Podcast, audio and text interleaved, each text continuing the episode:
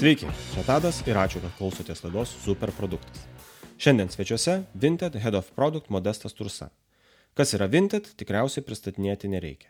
O Modestas prie Vinted prisijungė dar tada, kai Vinted nebuvo vienaragis. Ačiū Modestui už įdomų pokalbį. Palėtėme daug įvairių temų, koks verslo modelis ir kokius monetizacijos principus taiko Vinted. Išduosiu, kad tam tikri dalykai buvo tikrai netikėti. Modestas atskleidė, kiek jiems vidutiniškai reikia laiko paleisti produktą naujoje rinkoje. Kokios pagrindinės produktos rytis, kaip suorganizuotos ir kaip dirba produktinės komandos. Na ir daug kitų įdomių dalykų. Taigi, linkiu gero laiko ir gero klausimuose. Sveikas, Modestai. Sveikas, Tadai.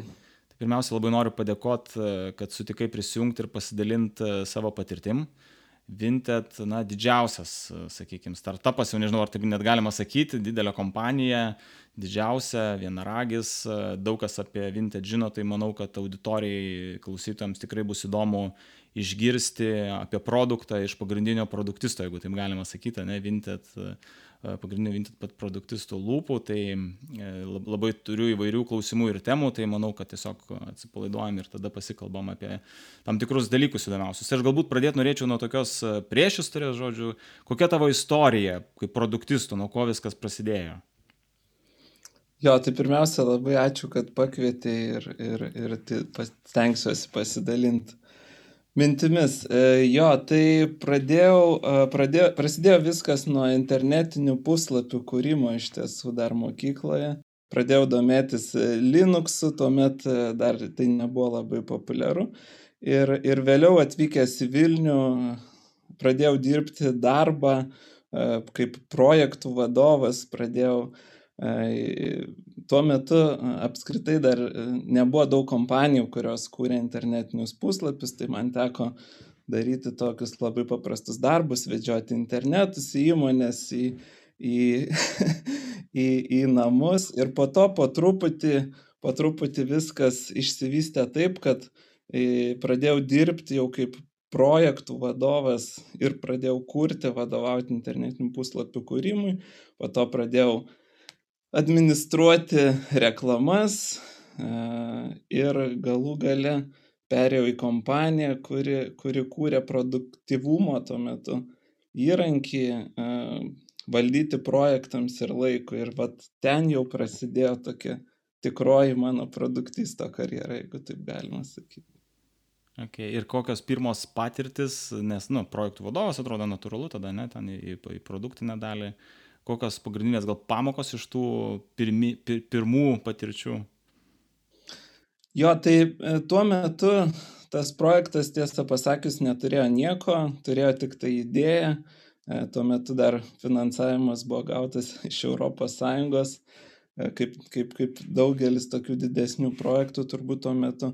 Tai viskas prasidėjo nuo to, kad pradėjau galvoti, kokiagi turi būti vartotojo kelionė ir, šiandien, ir, ir, ir, ir pradėjau piešti taip vadinamus wireframes ir, ir organizuoti, organizuoti vartotojo kelionę. Tai sukūriau e, sistemą, kurioje e, prieš dar kuriant produktą buvo galima pasimaigyti, kaip veiktų sistema, ką vartotojas joje galėtų daryti ir panašiai.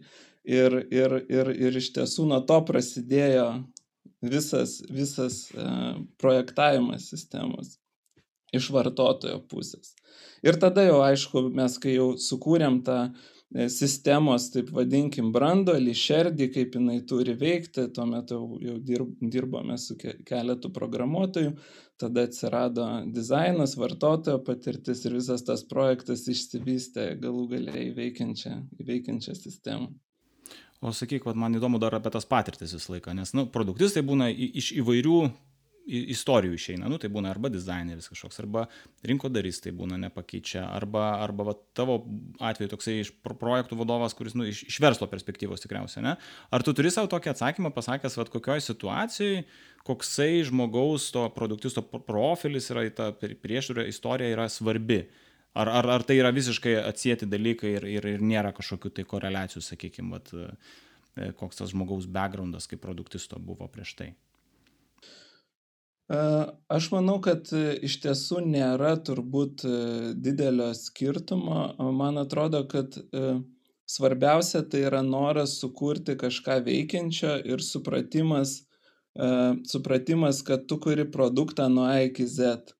Ir, ir, ir vat jeigu pas žmogų yra, yra, yra tas noras sukurti kažką veikiančio nuo nulio iki vieneto, kaip kad yra žymi knyga, ne, tai, tai, tai man atrodo tai yra svarbiausia. Iš praktikos, e, ką galiu gal pasidalinti, kad man atrodo to, labai lengviau yra žmonėms, kurie, kurie turi verslo išsilavinimą arba kurie ateina iš dizaino. Tai aišku, projektų vadovai kaip taisyklė, kaip taisyklė jiems, jiems irgi produktas yra artimiau, nors ne visiems tai pavyksta. Nes vis tik taip projektų valdymas yra visai kitas dalykas negu produkto valdymas.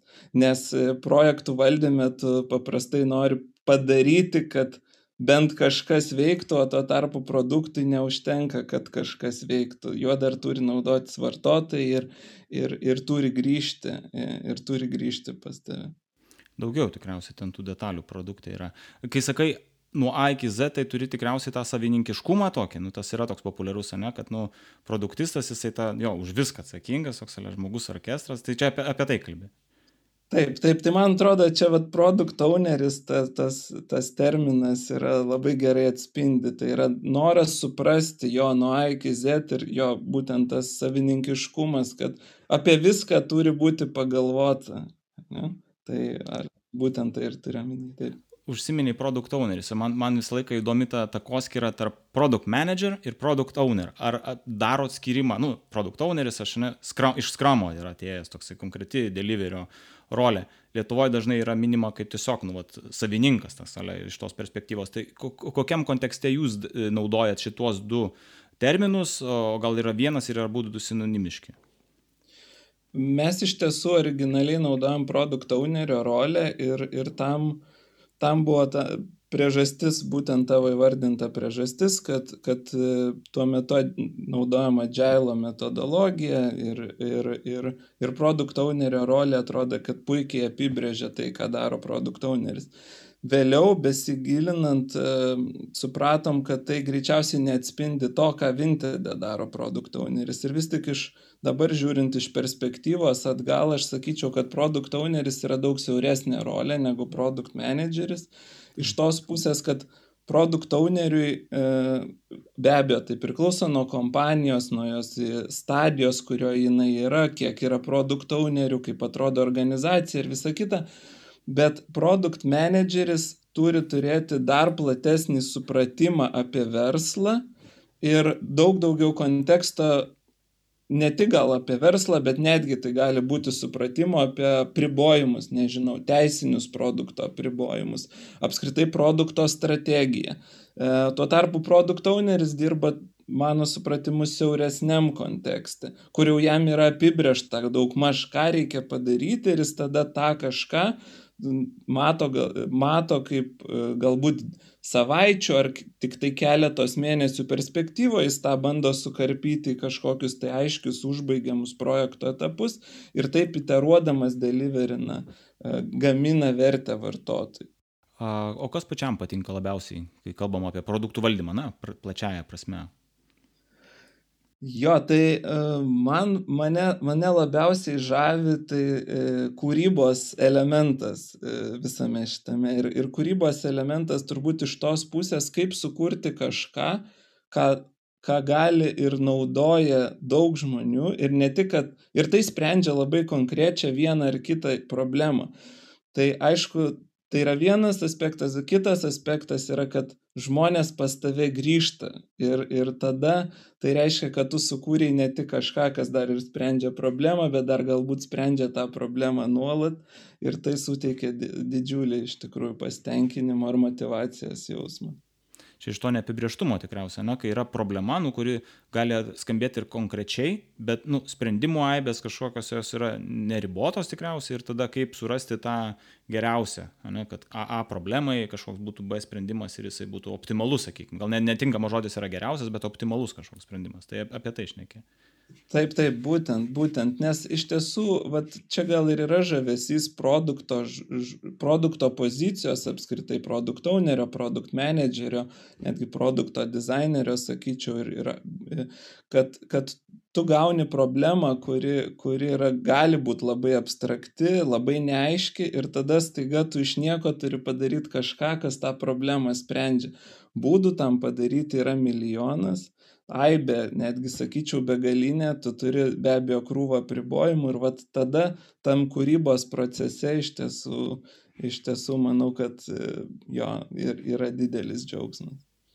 Papasakok, prašau, apie tas pirmasias dienas Vinted, nu, kai tu prisijungi, ne, ten iš principo, ką, ką aš žinau, kad e, buvo, neatsimenu dar, dar tų pavadinimų, bet buvo formas kažkada labai senai, ne, ir iš to ten kažkaip ta idėja gimė.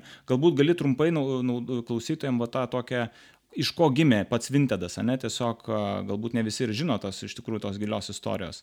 Bet tai kaip, kaip atsirado ir, ir tada jau kaip pats prisijungė, kokie, tai, kaip, kaip pats tas produktas atrodė tuo metu?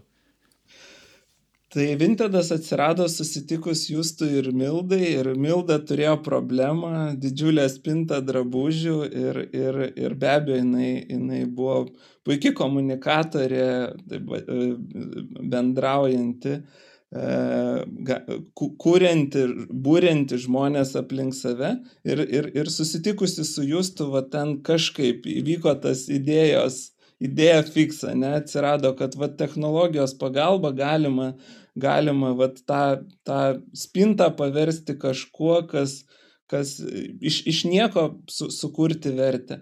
Ir tuo metu Justas sukūrė jau pirmą internetinį puslapį, kuris va tą problemą sprendė. Ir aišku, kad tuo metu jis ten buvo labai paprastas web, web puslapis, bet, jis, bet, bet jie jau galėjo patalpinti daiktus. Ir vat nuo ten viskas iš tiesų ir prasidėjo. Ir, ir tada Justas be abejo turėjo didžiulį žinių bagažą apie tai, kaip, kaip sukurti technologiją, pats programavo, dėl to pradinis produkto vystimas vyko be galo greitai. Ir, ir, ir kadangi idėja turėjo didžiulį pasisekimą, produktas natūraliai, natūraliai greitai augo ir po to jau prisijungė, prisijungė daugiau žmonių, atsirado jau ir, ir verslo modelis ir taip toliau. O aš prisijungiau um, tuo metu, kada jau buvo atidaryta keletas e, didelių rinkų, tame tarpe Vokietija, tuo metu buvo didžiausia produkto rinka ir, ir, ir, ir jau atėjo užduotis, kad reikia produktą monetizuoti. Tai va ta pirminė produkto fazė, produkto augimas, vadinkim, produkt market fitas jau buvo įvykęs ir jau atėjo kitas etapas, jau monetizacijos etapas. Ir tai 2014 metais e, e, rūpiučio mėnesį e, prisijungiau prie Vinted ir tuo metu jau, jei gerai pamenu, buvo penki, penkios ar šešios produkto komandos jau suburtos Vinted. Ok, tai jau ne, ne, nemažas visai kiekis. O iš produkto perspektyvos, kaip jisai atrodė? Ta prasme, kai, nu, vat, jeigu technologiškai dabar aš vat, kaip tik laisviau prieš savaitę, net ten kalbėjau apie tuos sritis, dom, domainai, ne? Ar gali va truputėlį patitalizuoti ir tada kažkaip organiškai perėsim prie tos dabartinės? Koks buvo produktas tada prieš beveik jau septynis metus? Taip, tai tuo metu Vintedas e, iš tiesų irgi turėjo keletą domenų arba sričių, gal vadinkim sričių, nes domenų tuo metu nebuvo, dėl to, kad komanda buvo lygų domenas, e, buvo keletas sričių, e, etapas buvo produkto monetizacija e, ir augimas, tai, e, tai iš principo buvo tokios dvi didelės rytis. E, tai mūsų iš tuometinių pen, pen, penkių ar šešių komandų dvi dirbo prie monetizacijos, tai iš tikrųjų tai gana daug, net 30, 30 procentų viso produkto dirbo, kad jį, kad jį monetizuoti.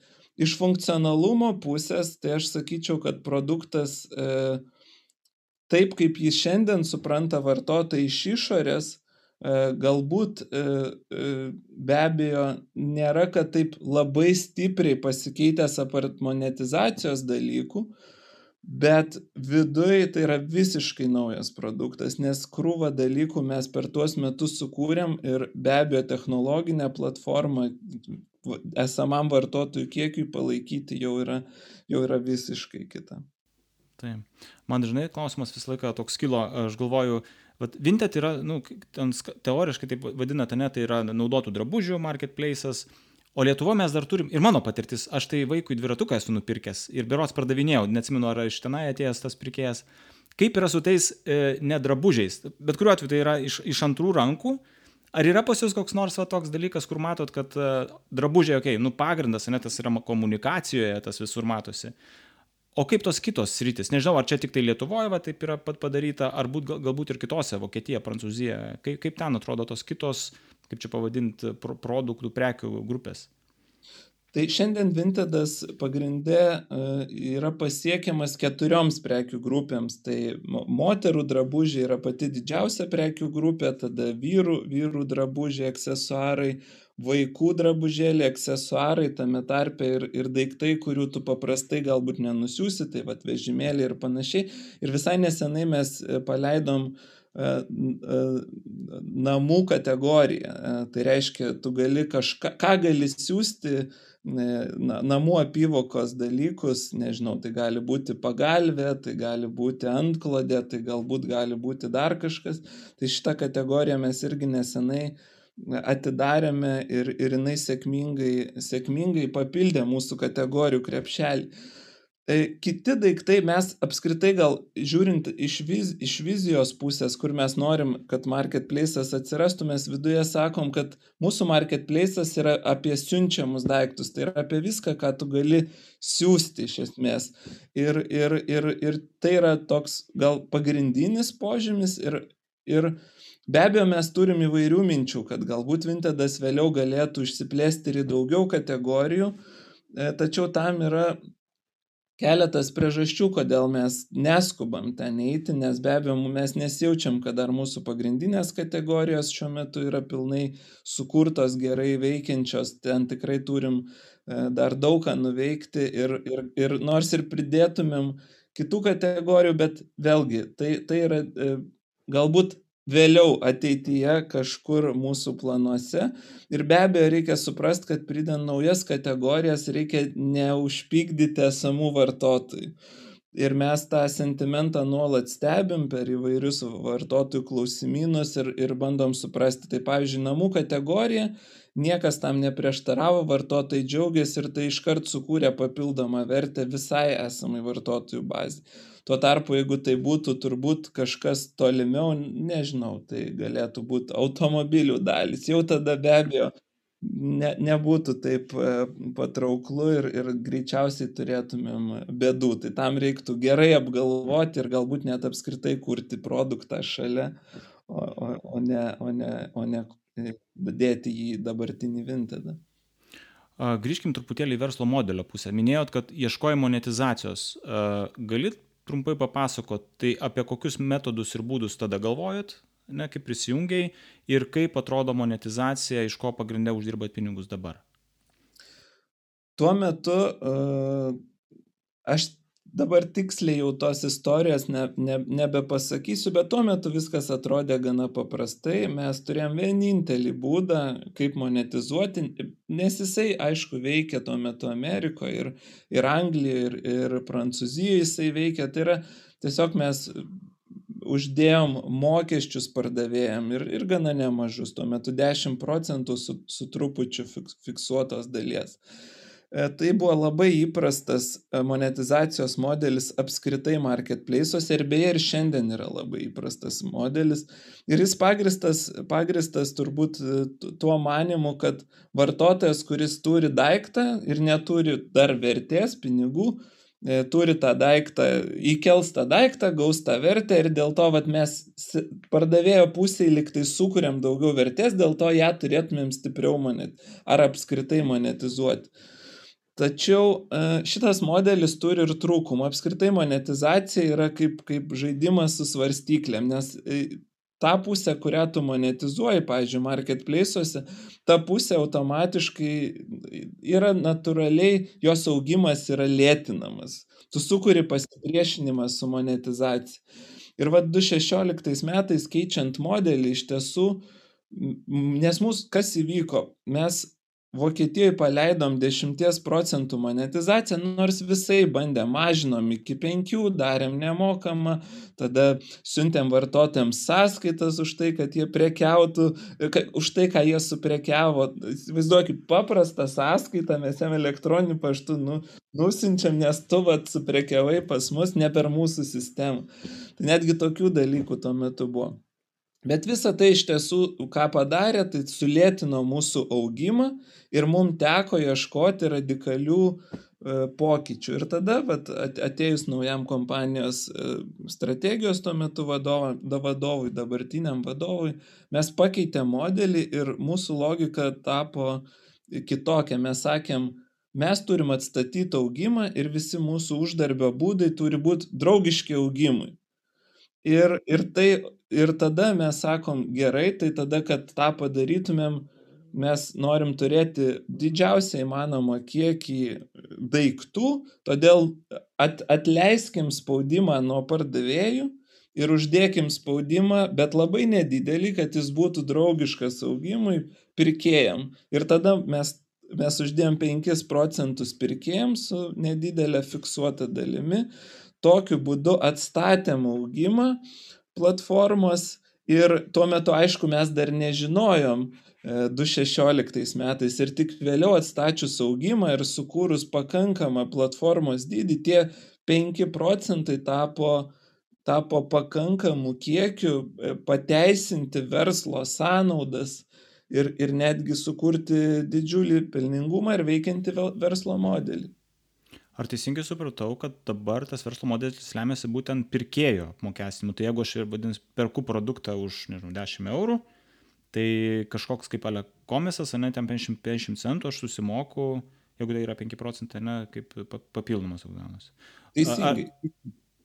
Teisingai, ta, tačiau kur, kur, kur gal čia slidi vieta, kad Lietuvoje mes to neturim, nes nėra įdėkta monetizacijos sistema ir iš tiesų yra truputį sudėtingiau, nes e, mes užsienio šalyse ne tik, kad apmokestinam pirkėjus, bet dar ir sukūrėm jiem papildomą vertę per būtent atsiskaitimų sistemą, nes pirkėjas automatiškai gali gražinti daiktą, jeigu, jeigu jisai yra, nežinau, netoks, koks aprašytas, plus mes pirkėjui pasiūlom pačią pigiausią rinkoje įmanomą ir integruotą siuntimo paslaugą.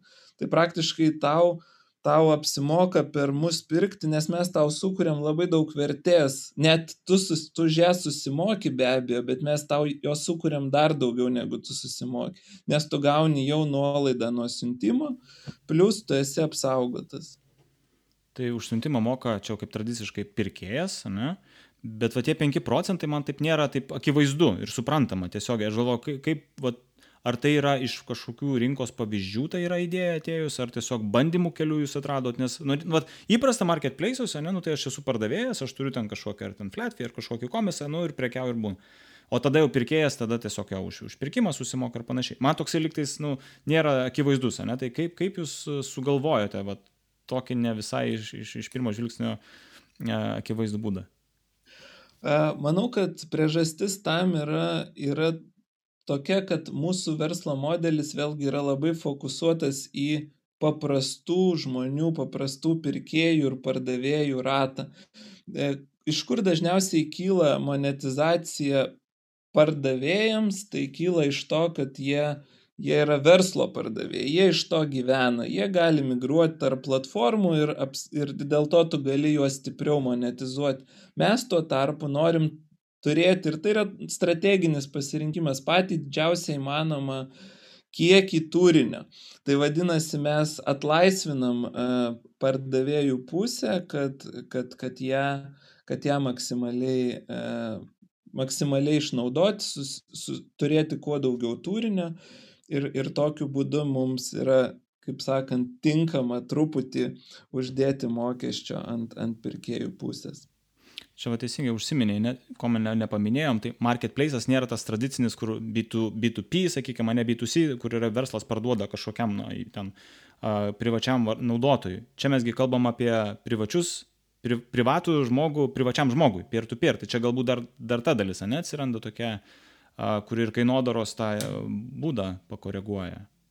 Taip, tai va čia persipina labai svarbus du dalykai, man atrodo, apskritai kalbant apie produkto strategiją. Tai yra vienas yra kaip tu augini produktą, nes paėmus daugelį pavyzdžių, tai yra, tai yra e, kaip daro kompanijos, tai jeigu tu turi augantį, veikiantį ir, ir, ir, ir greit augantį produktą, tau nebūtina iš karto galvoti apie monetizaciją, nes monetizacija pagal nutilėjimą tą augimą pristabdys ir tada tu vėliau galvoji apie monetizaciją. Ir vat šitie du elementai ir, ir, ir, ir, ir turi galų gale turbūt gražiai sudėrėti jau tavo bendram verslo modelį, kai tu jau supranti, kokia tavo verslo strategija, ką tu statai pirmą, ką tu statai antrą, kaip tu uždirbsi pinigus, kaip tu pritrauksi investicijas, kurią dalį tu vystysi e, produktą, kaip tu monetizuosi, kaip tu vartotojų susigražinsi po to į produktą ir panašiai. Tai, tai va už tai, už tai monetizacija ir augimas ir apskritai strategija apie juos galų gale be abejo reikia kalbėti kart, e, kartu, bet galima, galima ir atskirai turbūt nagrinėti po vieną. Mhm. O sakyk, ar turit verslo pardavėjų? Na, va, Lietuva mes žinome, ne, yra humana, kaip aš nežinau, kažkur kitose šalyse irgi lygiai taip pat tokių yra. Tikriausiai ne vienas yra išreiškęs norą galbūt ateiti į jūsų platformą ir tuo pasinaudoti na, naudotojų kiekiu, kuris yra didelis, va, prieisim prie tos dalies. Ne? Bet ar, ar yra ir ar kažkokią turit programą verslo pardavėjams? E, tiesą pasakius, nesenai paleidom verslo pardavėjom produktą, tik jis yra kol kas prieinamas Prancūzijoje ir, ir va čia labai natūraliai mes prie to prieėm, kad, kad jau pamatėm, kad yra didelis kiekis vartotojų, kurie jau prekiauja dideliu kiekiu, daro didžiulės apyvartas. Ir mes tada sukūrėm specialų produktą, pradžiai dar specialiai jo nemonetizavom, bet iš tiesų savo mintise jau turim tą tą kelią, kad taip, jie gauna dar daugiau vertės, tai greičiausiai mes juos turėtumėm šiek tiek stipriau monetizuoti ateityje, bet ties tuo dar, dar, dar darbuojamės. Tai va čia vėlgi galima iš strateginės pusės pasižiūrėti, koks tavo yra, yra esminis segmentas, nes jeigu tu pradedi nuo verslo pardavėjų, tu galbūt vienaip gali elgtis, mes tuo tarpu pradedam nuo paprastų pardavėjų ir tada jau jie pritraukia verslo pardavėjus ir tada mes irgi po truputį žiūrim, kad tie verslo pardavėjai atsirastų pas mus ekosistemoje, mąstymė ir, ir taip toliau. Įdomu, va, šitaip tiesiog teoriškai pafilosofuot, ar gali atsirasti kažkokia vidinė konkurencija tarp tų privačių pardavėjų ir verslo pardavėjų. Apie tokius dalykus svarstėt? O mes šitą labai, labai akilai stebim iš tiesų, nes ir, ir, ir atsakymas tam yra, kad uh, visi konkuruoja dėl to pačio pirkėjų kiekio ir pagal nutilėjimą verslo pardavėjai gali pasiūlyti daug patrauklesnę paslaugą e, paprastam pirkėjui. Bet iš tiesų e, pavojus yra tame, kad pardavimai e, gali pradėti koncentruotis į tą mažą, labai svarb, svarbių, stiprių pardavėjų dalį. Tai už tai kiekviena platforma stengiasi savo vidinės principus sukurti, kaip jinai vat, balansuoja tą, tą vadinkim, profesionalių pardavėjų, kurie pagal vėlgi jų, jų natūrą yra pasiūlyti ypatingai gerą paslaugą ir kaip, kaip balansuoja tos paprastus pardavėjus. Tai va čia, čia kiekviena platforma viduje turėtų tą labai akilai stebėti ir turėtų labai aiškia, aišku planą, kaip vystyti abis rytis. Jeigu gali truputėlį, jeigu nekonfidencialu, gali, kaip jūs kažkoks nu, kriterijus, ne, metrika, kad nežinau, santykis, kas jums yra svarbu, ta prasme, kada yra tas red flagas vadinamas jau. Tai yra keli dalykai. E, vienas dalykas, kiek suprekiauja, tai yra apivartumas, mes vadinam GMV, e, kiek yra prekyba tarp, vadinkim, vienos pirkėjų grupės ir kitos. Ir be abejo mes daug detaliau segmentuojam, nes nėra taip juoda balta, yra, yra, e, yra daug pilkų atspalvių tarp juoda ir balta. Ir, ir kitas dalykas yra, yra taip, e, kiek e, pardavėjai ir pirkėjai gauna pirkėjų akių. E, tai yra, mes stebim, e, be abejo, kadangi tie, vadinkim, profesionalūs pardavėjai kelia daug daiktų, jie, jie per pardavėją gauna labai daug, vadinkim, visibility, ne akių. Tai vad mes šitą rodiklį irgi, irgi labai atidžiai stebim. Nu, susiję tikriausiai, kuo daugiau daiktų, tuo daugiau pardavimų. Tai čia, žodžiu, kažkokį balansą bandot išlaikyti, kad ne, ne, nenuskriaus privačių. Teisingai. Vienas yra, vienas yra e, vadinkim, e, to fanelio pirma dalis, tai yra kiek visibility gauna, o pabaigoje žiūrim, kiek tas visibility išsitransliuoja į pardavimus, į actual pardavimus. Ar gali truputėlį atskleisti vat, naudotojų skaičius, kokia rinka didžiausia ir gal kažkokį bendrą skaičių, kaip, kaip atrodo, kiek tų pardavėjų, kiek pirkėjų maždaug yra, kad įsivaizduotų? Tai e, mūsų produktas šiuo metu yra 12 šalių, e, didžiausia rinka yra Prancūzija, po to, e, po to seka Vokietija ir tada, tada visos kitos šalis. Apskritai platformai registruotų vartotojų yra daugiau negu 30 milijonų ir turbūt gerokai daugiau, aš tiesiog dabar po, po ranka to skaičiaus neturiu, bet daug geresnis turbūt skaičius būtų, kiek per mėnesį apsilanko pirkėjų ir pardavėjų pas mus. Tai, e, tai šitas skaičius yra, kad tiek, tiek pirkėjų, tiek pardavėjų mes turim virš 6 milijonų per mėnesį per visas šalis kartu sudėjus. Supratau, dideli skaičiai ir tikriausiai augimas yra kažkoks, o dabar sakyk, iš verslo dar perspektyvos ir tą naudotojų skaičių su, suvedant, ar, ar Vinted jau atsipirkinėja, ar yra apskritai keliamas toks tikslas, kažkokį, nežinau, priekyveną pasiekti, ar dabar yra iš tikrųjų svarbu augimą turėti, kaip ir minėjai, ne monetizacija uždeda tą barjerą augimo ir, ir jūsų tikslas yra iš principo aukti, kurti vertę investuotojam ir, ir sukurti pridėtinę vertę patiems naudotojams sistemos. E, jo, labai geras klausimas ir jį ir Mantas, ir Vaidas, mūsų vadovai, e, dažnai e, viešumoje atsako turbūt taip, kad mes e, to, vadinkim, tikrojo breikyveno dar neplanuojam. Ir taip yra todėl, kad mes iš tikrųjų didelę dalį investicijų skiriam marketingui. Mes prisitraukiam daug vartotojų, kad akceleruoti platformos augimą bet iš tiesų tą darom labai matematiškai, labai pragmatiškai, labai versliškai. Turim nusistatę, kiek kainuoja, per kiek laiko mums vartotojas e, su, sugražina į investuotus pinigus ir darom tai tik tai su tam tikrom sąlygom, kada tai tikrai verta daryti. Ir iš tiesų, jeigu mes išjungtume marketingą, mes jau senai esam tam, vadinkim, breikyvė, ne?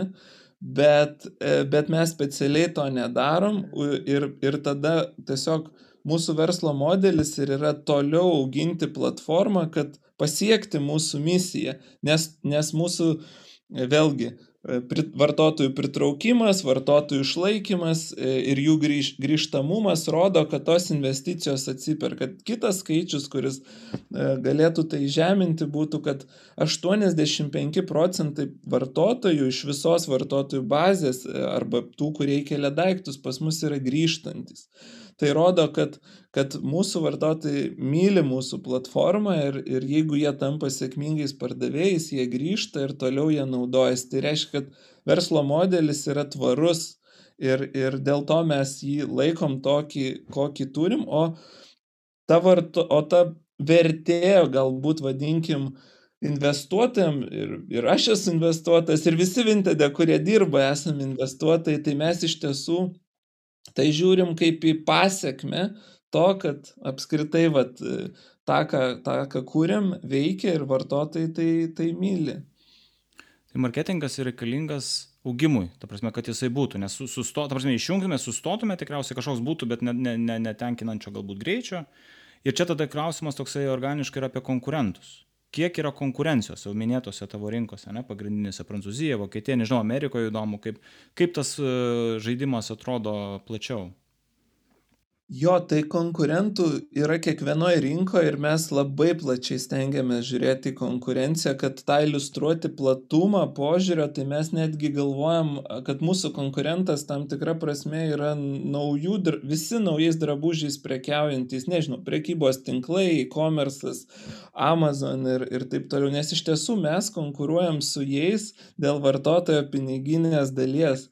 Tai, tai, tai vat, mes stengiamės žiūrėti netgi, netgi iš to kampo, bet aišku, kad yra keletas labai tiesioginių stiprių konkurentų, kurie turi įvairias strategijas. Beje, vieni, vieni kopijuoja mūsų modelį, kiti tokį daro tarpinį modelį, monetizuodami abipusės ir ieškodami kitų būdų pritraukti vartotojus, ten, pavyzdžiui, influencerių marketingas arba organinis marketingas ar panašiai. Bet iš tiesų turbūt galų gale viskas yra apie tai, koks yra tavo augimo greitis ir kaip tu greitai gali laimėti, laimėti rinkas. Ir, ir tai patinka iš tiesų, patinka investuotojam. Ir, ir, ir va čia mes turim, turim tą receptą, kuris, kur, kad, kad galėčiau iliustruoti, tai pavyzdžiui Italijoje mes e, ten nebuvo labai didelė konkurencija, bet buvo vienas didelis svarbus Europoje žaidėjas, Depop, senai paleidę savo produktą ir mes per, per, per nepilną mėnesį jį aplenkėm. Ir šiandien es, esam Italijoje, užimam e, virš 80 procentų rinkos e, moterų kategorijoje ir esam toj šaly dar tik tai penktą ar šeštą mėnesį. Tai čia labai įdomus tada klausimas yra apie, vat, rinkodara yra vienas iš tų būdų aukti, bet tai nepakankamas tikriausiai yra būdas. Ne, nu, ta prasme, bus pro... Ka, kaip jūs įvardinat, kas yra jūsų tas augimo sėkmės priežastis? Apart rinkodaros, o ne galimybių. Mūsų sėkmės priežastis yra tai, kad vartotojai grįžta. E, ir, ir, ir, tai, kad, e, ir tai, kada, kad jie tampa sėkmingi parduodami savo daiktą. Tai arba, arba be abejo pirkdami, aš labai daug dedu akcentą į pardavėjus, nes tai yra tikrai didelė strateginė dalis e, e, visoje mūsų vizijoje, bet be abejo tas pats galioja visiems vartotojams, ar tai būtų pirkėjas ar pardavėjas. Tai yra esmė, kad jis būtų sėkmingas ir netgi visas produktas yra suorganizuotas aplink tai, kad paimti kažkokią tai vat, dalį produkto, tada aplink tą dalį mes sulibdom komandas, domenus ir tada e, tos komandos ir domenai sprendžia ir, ir ieško tų smulkių, svarbių, reikalingų e, dalių, kurios, vat, tai yra kažkokia vartotojo problema, frictionas ar, ar, ar strateginis projektas, kuris, kuris ar tai sprendžia problemą, ar tai padeda Vinted atnešti prie daugiau vartotojų. Pasaulyje. Tai tas grįžtantis naudotojas, jis yra, kaip aš sakyčiau, pasiekmė tokia, ne, jau yra toks, va, pasiekė mane, o tos priežastys, man aš galvoju, jūs vis tiek tada vadinasi daug įdedat į tą sėkmę, gal gali truputėlį papasakot, ką vadinat naudotojo sėkme, ne, kas dirba prie tos sėkmės, kokios komandos, šiandien tikriausiai ne vien tik tai produktinė komanda, kuri kažkokius tai featuresus padaro ar pagerina, kaip atrodo platesnis tas komandų skaupas, kuris, sakykime, dirba prie kažkokio tai tikslo. Nu, turim pagerinti sėkmę, bet tai kas prie to prisideda ir, ir ką konkrečiai vadina ta sėkmė. Ja, labai geras klausimas. E, iš tiesų, vat, galim, galim truputį lysti giliau. Tai e, mes e, esam išskaičiavę, kad jeigu vartotojas parduoda, pavyzdžiui, per septynias dienas sėkmingai, jo grįžtamumo E, rodiklis arba retentionas yra du kartus didesnis negu kad jis parduotų per, tarkim, 30 dienų.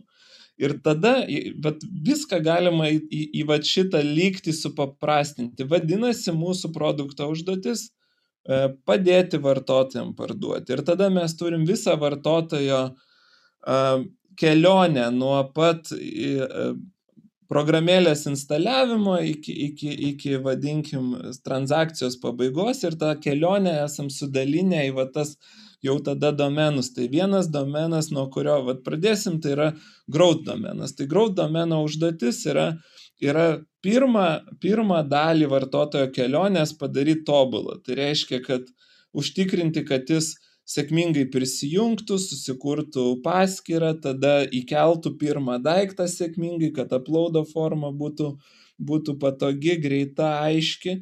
Ir Plus jis dar tas domenas yra atsakingas už Vintedo atnešimą kuo daugiau vartotojų. Jis koordinuoja, pavyzdžiui, tą patį Italijos paleidimą, beje, šiandien leidom Portugalijoje, tai vad jie sužiūri visus galus, kad, kad ta kad Vintedas atsirastų kažkokioj tai šaly. Tada turim domeną kategorijų, kuris dar šiandien yra labai mažas, bet jau prie, prie, prieaugom iki to, kad netgi kiekvienai kategorijai skiriam jau dėmesio. Tai, tai vad kategorijų domenų užduotis jau užtikrinti, pavyzdžiui, kad ten moterų daiktai geriau, geriau būtų parduodami, perkami ir taip toliau. Ir jie tada gali žiūrėti visą produktą. Tada turim likvidumo domeną, kurio užduotis su, sujungti e, pirkėjus, pardavėjus, ten įtraukiant ten paiešką, turinio stumdymą tarp šalių ir, ir, ir panašiai. Plus jie dar monetizuoja e, tą, vadinkim, visibility, tai jie užtikrina, kad kad e, mes uždirbtumėm apie 20 procentų mūsų pajamų iš, iš reklamos ir, ir, ir paslaugos e, kaip skelbimų ar spintos iškelimas. Ir tada dar turim keletą domenų, tai, tai e, trustą, kuris užtikrina apskritai, kad platforma būtų saugi, paymentus arba atsiskaitimus, ne, kad, kad visa transakcija įvyktų sėkmingai, E, transakcijų domeną, tai e, transakcijų domenas už, užtikrina jo visą tą e, vartotojo patirtį jau, kai vartotojas prieš perkant, žinutėse perkant, nes ten mes turim atvaizduoti įvairius siuntimo statusus ir taip toliau ir taip toliau.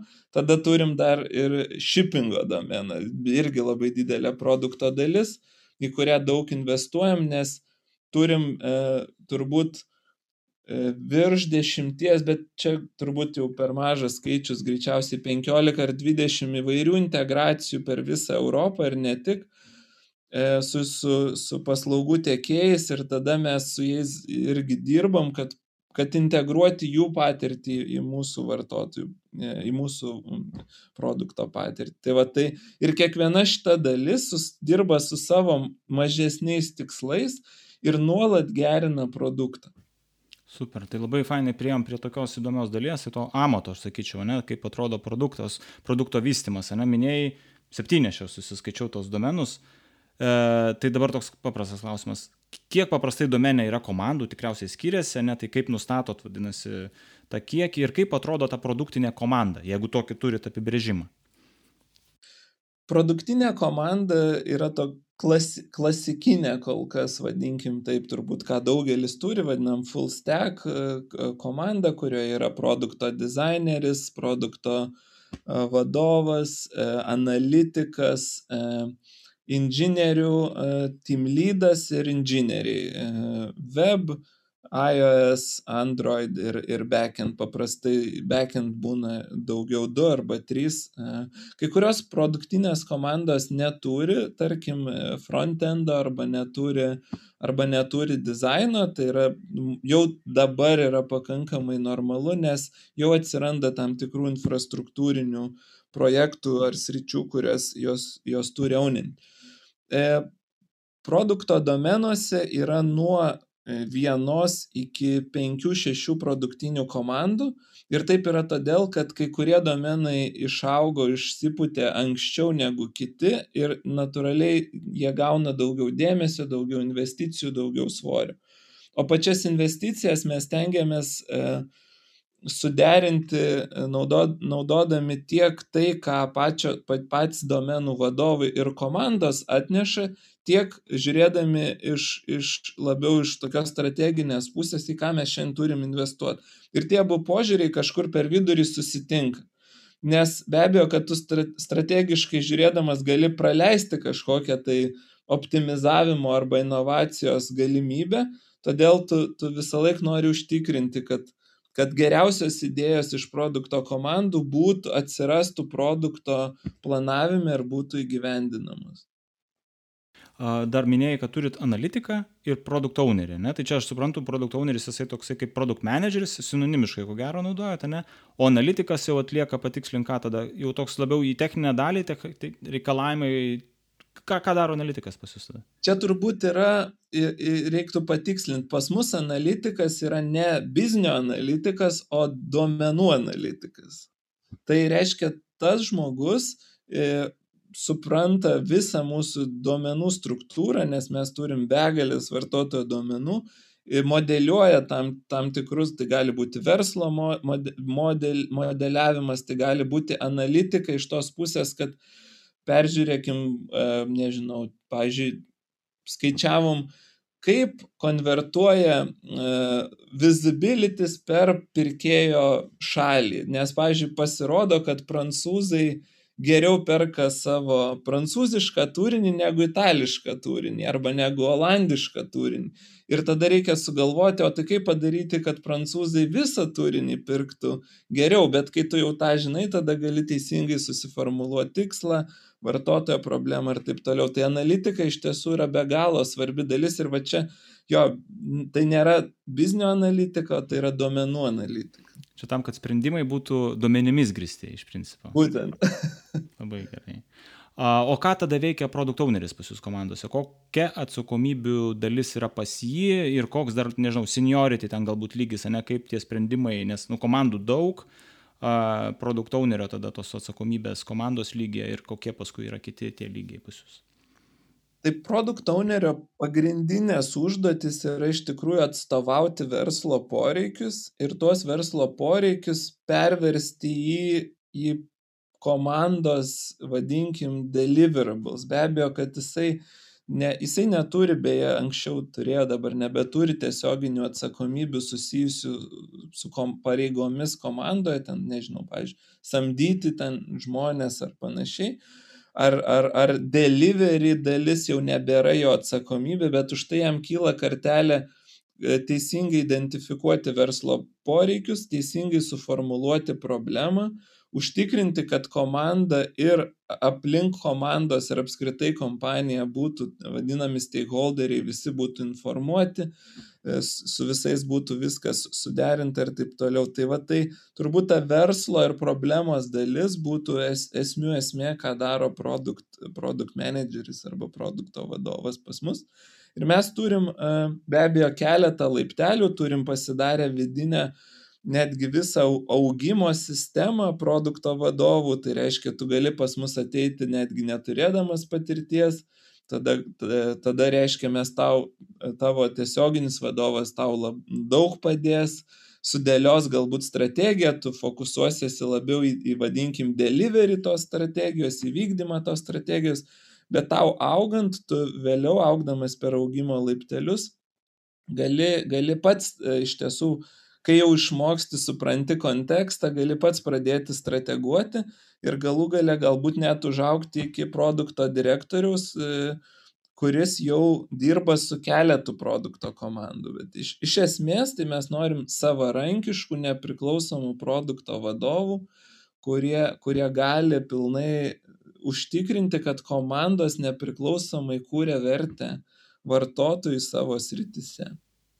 A, gali patikslinti, kaip keliate tikslus, nes aš supratau, produktistų yra ta svarbi dalis, ne? tai yra verslo kažkokius reikalavimai, kad tai įvyktų komanda sustiguoti. Kokius tikslus keliat produktinėms komandoms? Na, kaip pavyzdys, ten, ar keliat finansinius kažkokius, ar čia yra kažkam kitam yra keliami, ar keliat, nežinau, lai... kokie tikslai yra paprastai, galbūt, nežinau, pagal domeną, galbūt pavyzdys, aš įsivaizduoju, turėtų skirtis, ne, ten paymentam vienoks, growth kitoks ir panašiai. Taip, taip, pavyzdžiui, galėtumėm paimti, pavyzdžiui, shippingo domeną arba jo pavyzdį.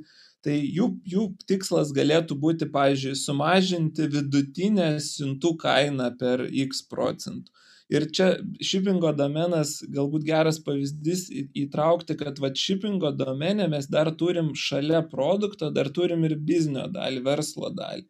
Netgi yra atskiras unitas, kuris uh, turi netgi finansinę analitiką, e, turi žmonės, kurie dirba, pasirašinėdami kontraktus ir panašiai, tai šitą dalį mes jau nuimam nuo produktistų, kad sustiprinti. Tuo tarpu kitas pavyzdys galėtų būti, pavyzdžiui, trusto domenas, tai jo, pavyzdžiui, metrika galėtų būti, e, kiek vartotojų e, buvo turėjo blogą patirtį mūsų platformoje, pavyzdžiui, buvo paliesti skemo, spemo ir panašiai. Liquidity domeno tikslas galėtų būti, pavyzdžiui, sukurti daugiau pardavėjų iš, iš esamos visų įkėlusių daiktus žmonių masės. o finansiniai, ar yra pas kažkokią komandą, bet kad ten revenue tikslas būtų?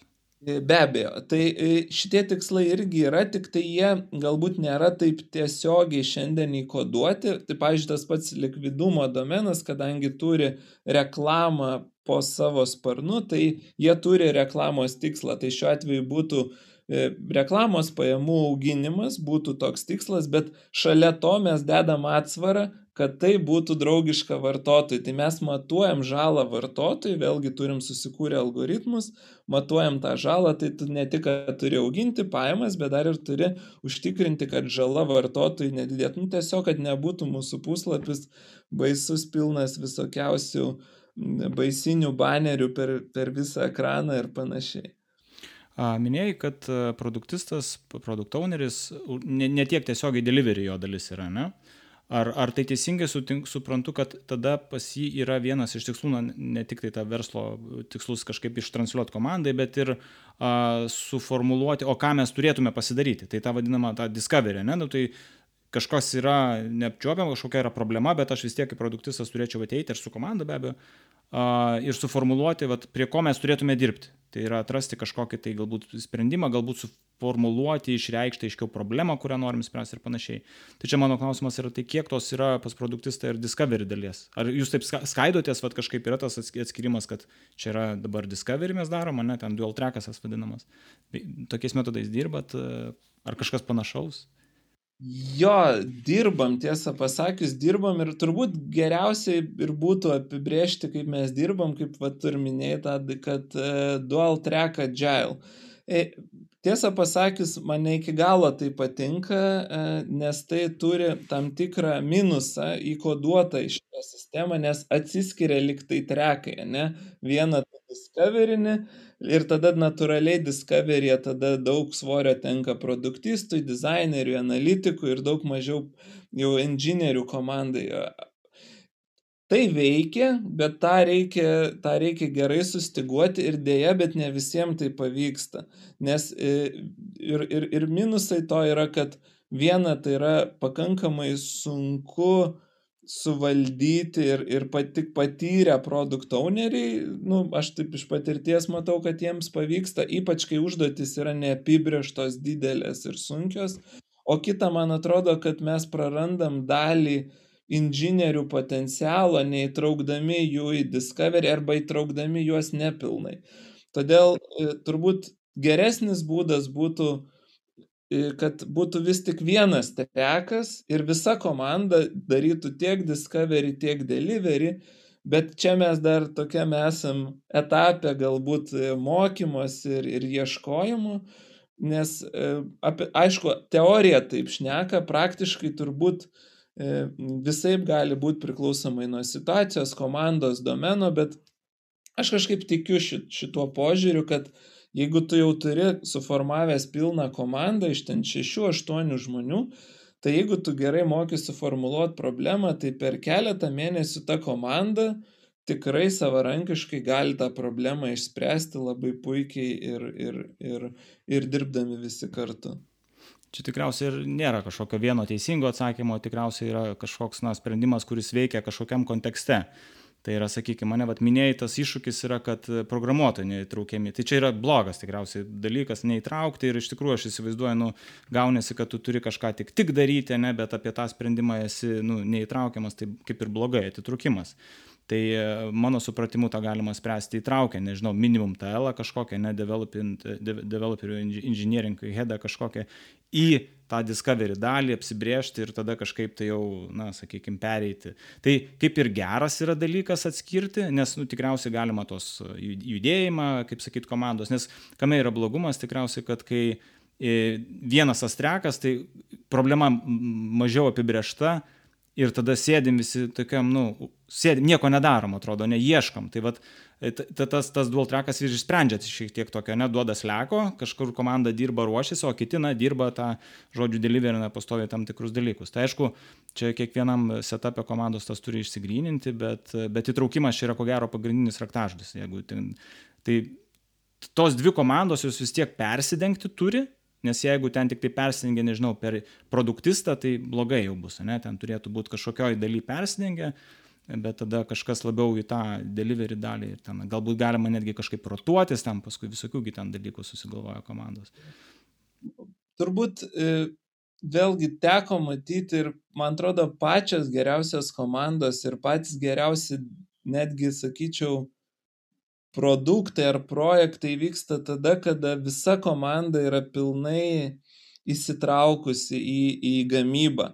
Nes iš tiesų netiek svarbu, iš kur ta idėja ateina, ar iš produktisto, ar iš, iš programuotojo, netgi daug smagiau, kada tai yra bendras darbas ir tai, tai būna paprastai daug geresnis rezultatas, bet kas, kas kartais liūdina, kad būna iš programuotojų netgi kartais būna požiūris, galbūt to, to tikrai nepastebiu daug, bet, bet kartais girdžiu tokių replikų, nu ten nežinau, ten taip pat paduokit, padarysim ar, ar, ar, ar panašiai, arba, nu, jūs manęs ten neįtraukit į tą, atneškit maždaug, kai busit pasiruošę.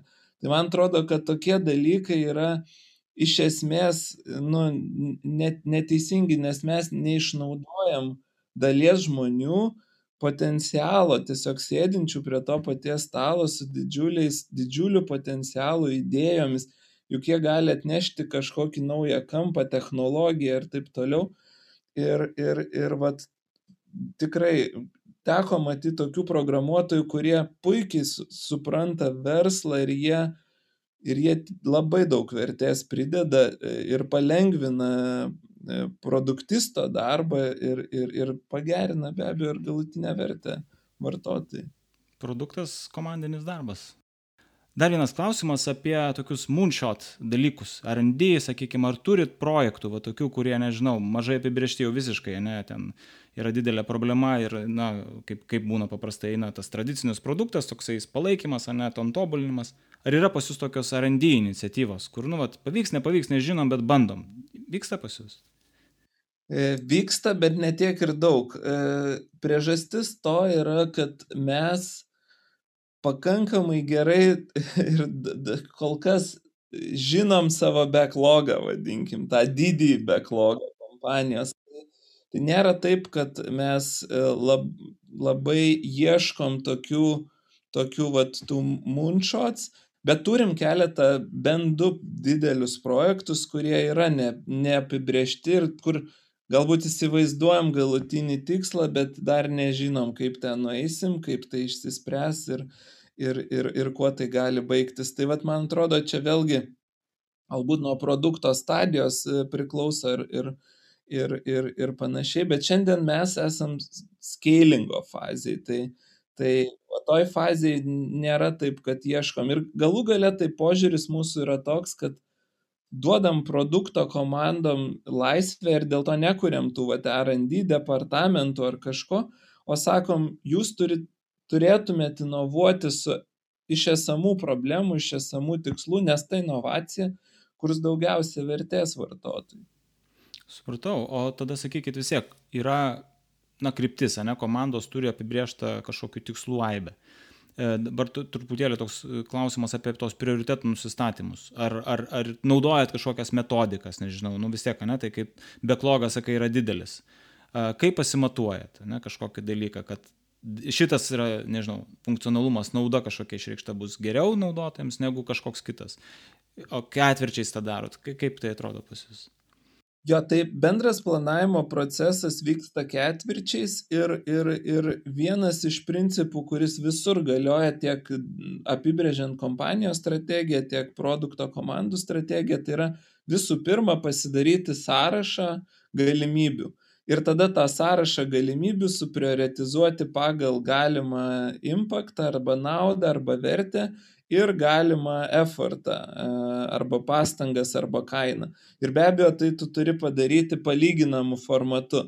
Ir, ir, ir kaip taisyklė, tą padarius, nesvarbu kokio ilgio sąrašas, ir jeigu bent jau produkto komanda nuoširdžiai skiria tam pusdienį, labai aiškiai pasimato, net ir tam nereikia jokių ten, užtenka to vadinamo marškinėlių dydžio pratimo, ne, kad tu suprastum kontekstą, kuriame esi. Tai vad mes tiek darydami kompanijos didžiuosius betus, aišku, kompanijos didėjai betai jie yra galbūt apibriešti paleisti šitą šalį ir ten daug yra dedamųjų marketingo kaina, vartotojų pasirengimas mūsų produktų ir panašiai, bet tai gali būti ir kažkokia strateginė iniciatyva atidaryti, pavyzdžiui, vieną ar kitą kategoriją, bet tu visada tą gali sureitinguoti.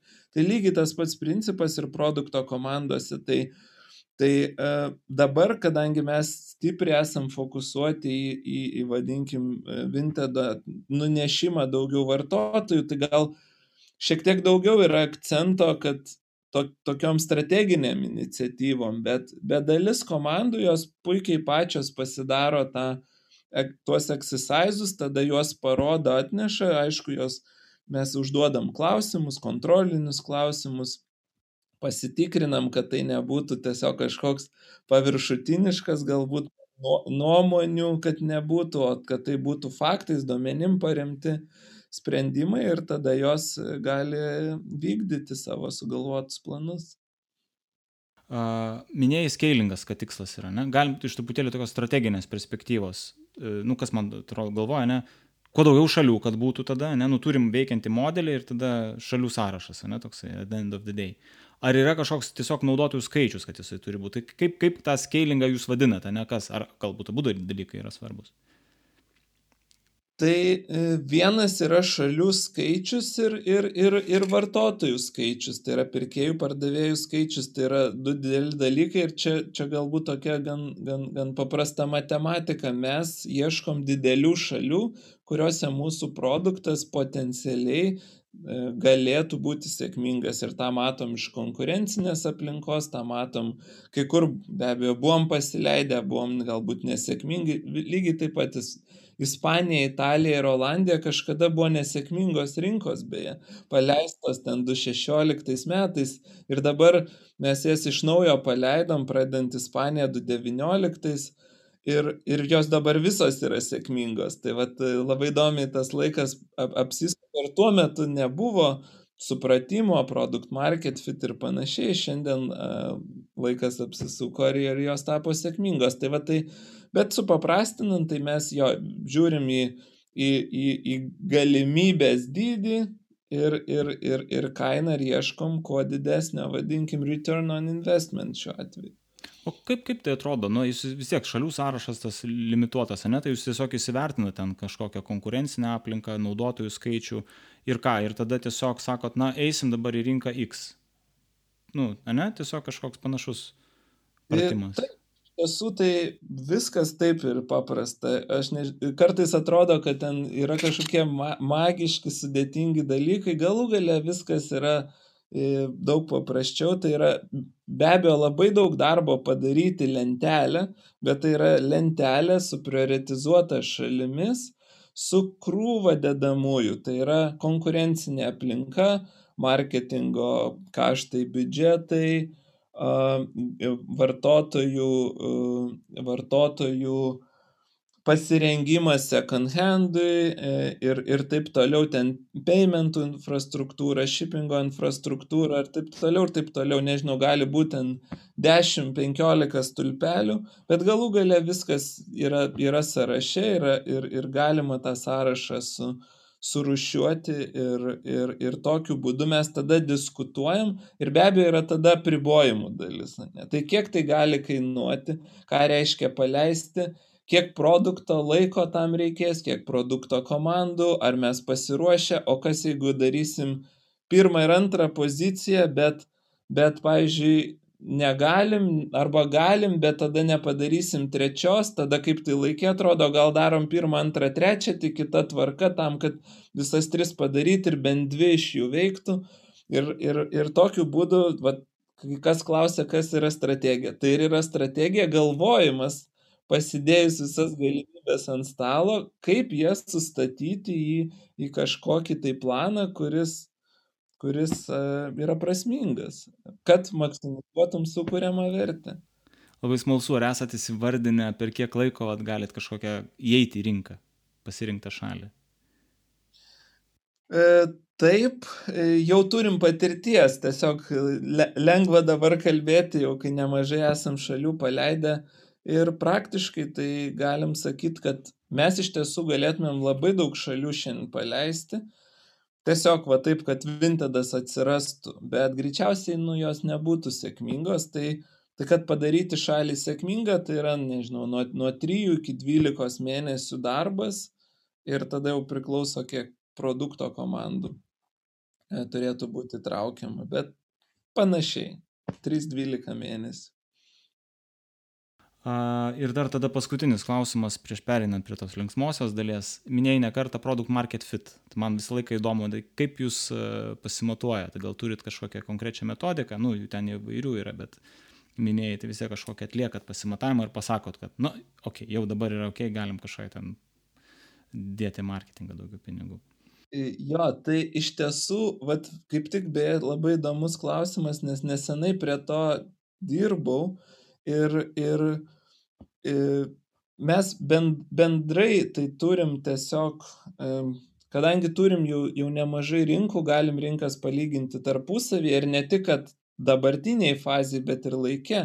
Bet prie ko dirbau, kad dar tiksliau apsibriežti, tai mes turim tam tikrą metodiką ir esmė tos metodikos yra gana paprasta - atrasti palyginamą būdą, kaip tas rinkas palyginti teisingai jų augimo fazėje prie tam tikro, vadinkim, nežinau, marketingo spaudimo ar prie tam tikro dydžio ir panašiai. Tai vad šita metodika yra paprasta, bet jinai duoda, duoda, duoda labai gerą atsvarą. Ir beje, ne, net jeigu turi tą turi, rinka atrodo, kad jinai truputį praščiau veikia, tai dar nebūtinai reiškia, kad jinai iš tiesų veikia praščiau, nes yra įvairūs faktoriai, bet be abejo, jeigu rinka jau tikrai neveikia, tai tu tą irgi pamatysi. Tai va to konteksto šiek tiek reikia ir reikia konteksto apie marketplace veikimą, kad galėtum teisingai identifikuoti. Bet pradžiai tu turi va, pasidaryti tuos bazinius frameworkus, tada susivesti duomenis ir jau tada tu gali, gali padaryti teisingas išvadas. O kokius kriterijus vertinat? Nu, vienas iš tų yra naudotojas, ne, tenai iš naudotojo perspektyvos. Ar ten esi patenkintas, ar tau tai reikia produkto. Kažką kitką dar naudojat, ar remiatės grįžtamuoju ryšiu iš, iš naudotojų? Tai iš tiesų e, yra grįžtamasis ryšys iš naudotojų ir konversijos. Tai yra pagrindinės e, konversijos, tai yra registracija į pardavimą, į pirkimą, e, tada yra likvidumo parametrai kaip greitai daiktai parsiduoda kiek jų parsiduoda. Tada kiek daiktų yra įkeliama labai svarbi metrika per per per laikotarpį kiek naujų narių turim ir ir tada e, be abejo marketingo marketingo efektyvumas. Ir tada galų gale viskas susiveda į retentioną nes jeigu mes galim pavyzdžiui kad ir daug investuodami daug pritraukt narių bet jie po to negrįš pas mus tai tai jeigu pavyzdžiui būtų taip kad nežinau dėl kažkokių priežasčių pirma fanelio dalis veikia sėkmingai bet retentionas prastas tai be abejo ta rinka neveikia vadinasi reikia ieškot problemos ir ją spręst Super, labai, labai įdomu ir tų klausimų yra, tai bet laikas e, eina, tai noriu vis tiek išlaikyti tą valandos formatą maždaug. Tai pereikim tada modestai prie tos, e, na, paskutinės smagiosios, sunkiausios dalies. E, trys greiti klausimai pabaigai. Uh, Kokią knygą norėtum rekomenduoti, norėtum rekomenduoti produktistui? Galvojau šiek tiek apie tai e, ir vis tik paskutiniu metu norėčiau autorių rekomenduoti, ne knygą, o Leighton Christensen. Jis yra keletą knygų parašęs ir berots garsiausia yra inovatoriaus dilema, bet apskritai man jo požiūris ir, ir kontekstas ir straipsniai visada labai įkvepia ir, ir, ir, ir labai malonu skaityti. Ir man atrodo, jisai netgi duoda e, požiūrį, kaip sustruktūruoti labai sudėtingą informaciją ne, per savo inovatoriaus dilemai pateikiamus pavyzdžius. Sakyčiau, tokie chrestomatiniai dalykai ten tikrai, tikrai naudinga yra iš, ir Jobs to be done ten frameworkas ir, ir, ir panašiai, tai jisai ten gerų dalykų labai. Super. Tai netgi, netgi vat, inovacija per mažesnę kainą, didesnę vertę ir ateimą iš, iš vadinkim, tokios pozicijos, kur kiti net galimybių nemato, nes Vintedas kažkada ne, ne, atrodė, kad negali iš, iš drabužių sukurti verslo, ne? Tai netgi, netgi tam tikrą prasme galima tą frameworką pritaikyti Vintedui. Antras klausimas, kokius įrankius dažniausiai naudoji kasdien? Naršyklė, slekas, e, galbūt šiek tiek e, Excelis. Um, jo, turbūt viskas. Čia pagrindiniai jau Excelį turim, tai čia, o. Ir gerai, pas... ir paskutinis tada, koks būtų tavo patarimas produktistui? E, visada ieškoti, kaip veikia dalykai ir eiti iki galo. Eiti iki galo. E, nes man atrodo, kad vertė gali būti su, sukuriama tik tai didelė vertė, tik gerai suprantant, kaip veikia dalykai.